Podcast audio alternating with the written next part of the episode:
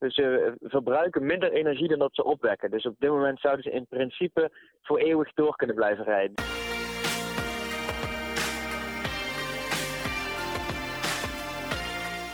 Dit is de World Solar Challenge, een podcast van het Eindhovens Dagblad.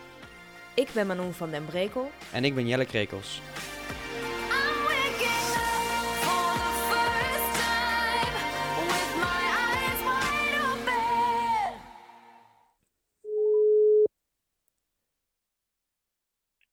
Hey Manon, met Jelle. Hey Jelle, hoe gaat het? Ja, het gaat goed hier. Oké, waar ben je nu? Wij zijn nu bij een eh, control, control stop eh, bij Barrel Creek Hotel, dus Barrel Creek.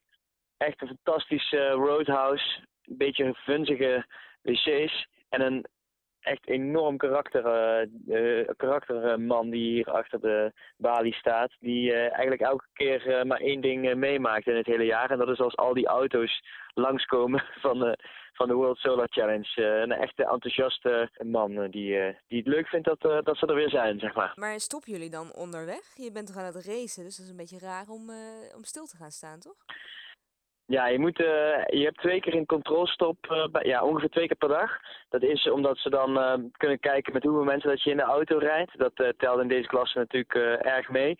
En, eh, en je moet natuurlijk eh, af en toe wat kunnen drinken, kunnen plassen en eh, dat soort dingen. En om dat zo, eh, zo eerlijk mogelijk te laten verlopen, doen ze die controlstops. Dit jaar is het nieuw dat ze dan zo snel mogelijk de auto uit moeten en daarna ook een half uur lang de auto niet aan mogen raken. Dus niemand mag ook maar een beetje in de buurt komen van die auto's. En daarna ja, gaan ze zo snel mogelijk weer die auto in en vertrekken ze weer. Dus dan zie je toch wel dat het nog steeds die race is, ook al moet je af en toe even stoppen. Oké, en, die, en die control stops zijn wel verplicht. Je mag niet doorrijden bij zo'n stop. Nee, nee, zijn verplicht. Ja, zijn verplicht. Want je, alles wordt genoteerd. Er wordt genoteerd hoe, hoe dat je qua energie-efficiëntie erbij zit, hoeveel dat er nog in je batterij zit en eh, hoeveel eh, mensen dat er in de auto zaten. En hoe gaat die puntentelling? Je moet met zoveel mogelijk mensen erin zitten. Ehm, waar wordt nog meer naar gekeken? Energie-efficiëntie, dus hoe je met, eh, met je energie omgaat. Ehm, daar scoort Eindhoven nu echt enorm hoog op. Sterker nog, ze, ze verbruiken minder energie dan dat ze opwekken. Dus op dit moment zouden ze in principe voor eeuwig door kunnen blijven rijden. Is dat uniek? Ja, hier in de, in de race is dat op dit moment uniek, ja. En Gisteren kwam er even een tussenstand. Ik heb, eh, ik heb daarna ook nog even gevraagd hoe het nou precies zit met die puntentelling. En eh, Koen, onze driver, die legt dat even uit. Eh, dat wij dus net ingehaald zijn door Bochum betekent niet dat wij ergens achterlopen op punten of iets dergelijks. Dus wat willen nou eigenlijk zeggen dat Bochum voorop, voorop rijdt?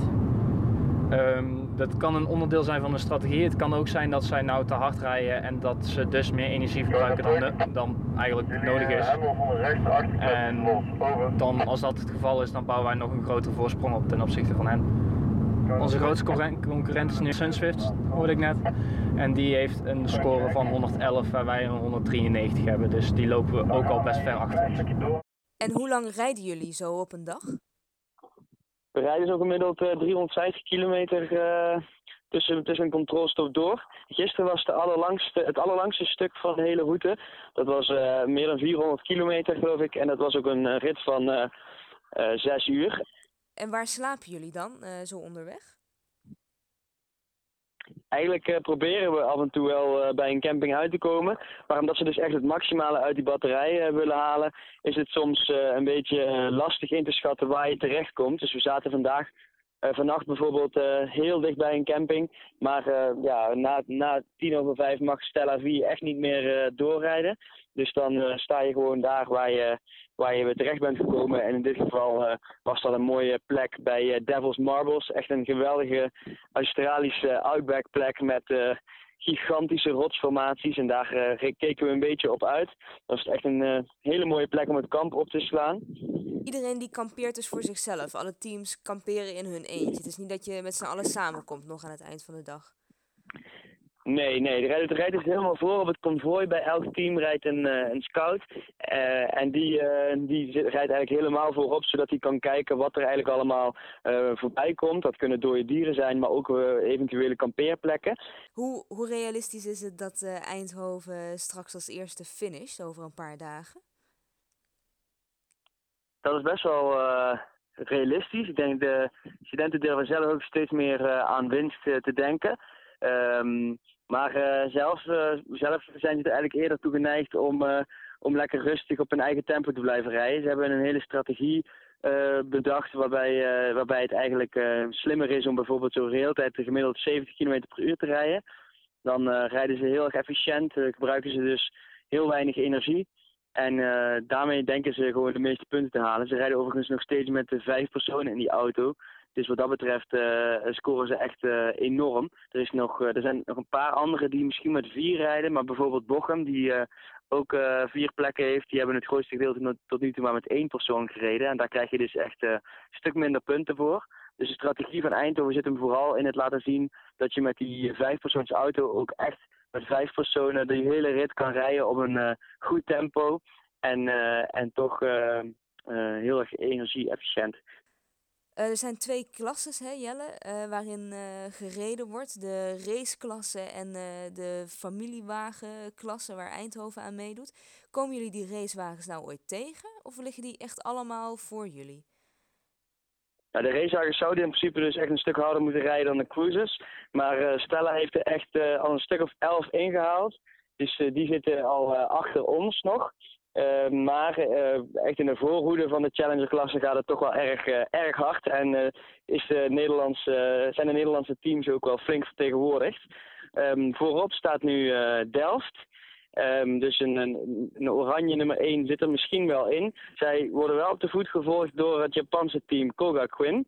En daarna team Twente, die het beloofde Max Verstappertje dat ze zouden doen. Hè. Ze moesten een hoop mensen inhalen omdat ze wat problemen hadden bij de tijdrit. En daardoor extra ver eh, moesten starten. Eh, zij hebben eh, heel veel challengers ingehaald en liggen dus nu op een derde plaats. Daar in die, in die top drie gaat het een flinke strijd worden nog op het eind. Maar goed, er zijn nog een paar dagen te gaan, dus daar kan, daar kan nog wel een paar keer verschuiven, denk ik.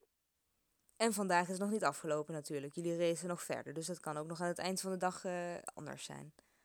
Zeker, ja, ja, ja. Spannend. Wij eh, horen binnenkort Ja. weer van je, Jelle. Ja. Hoi, hoi. I used to waste time running the same lines, staring at the ground below. I'd stay on the inside, only see the sunlight, looking out of my window.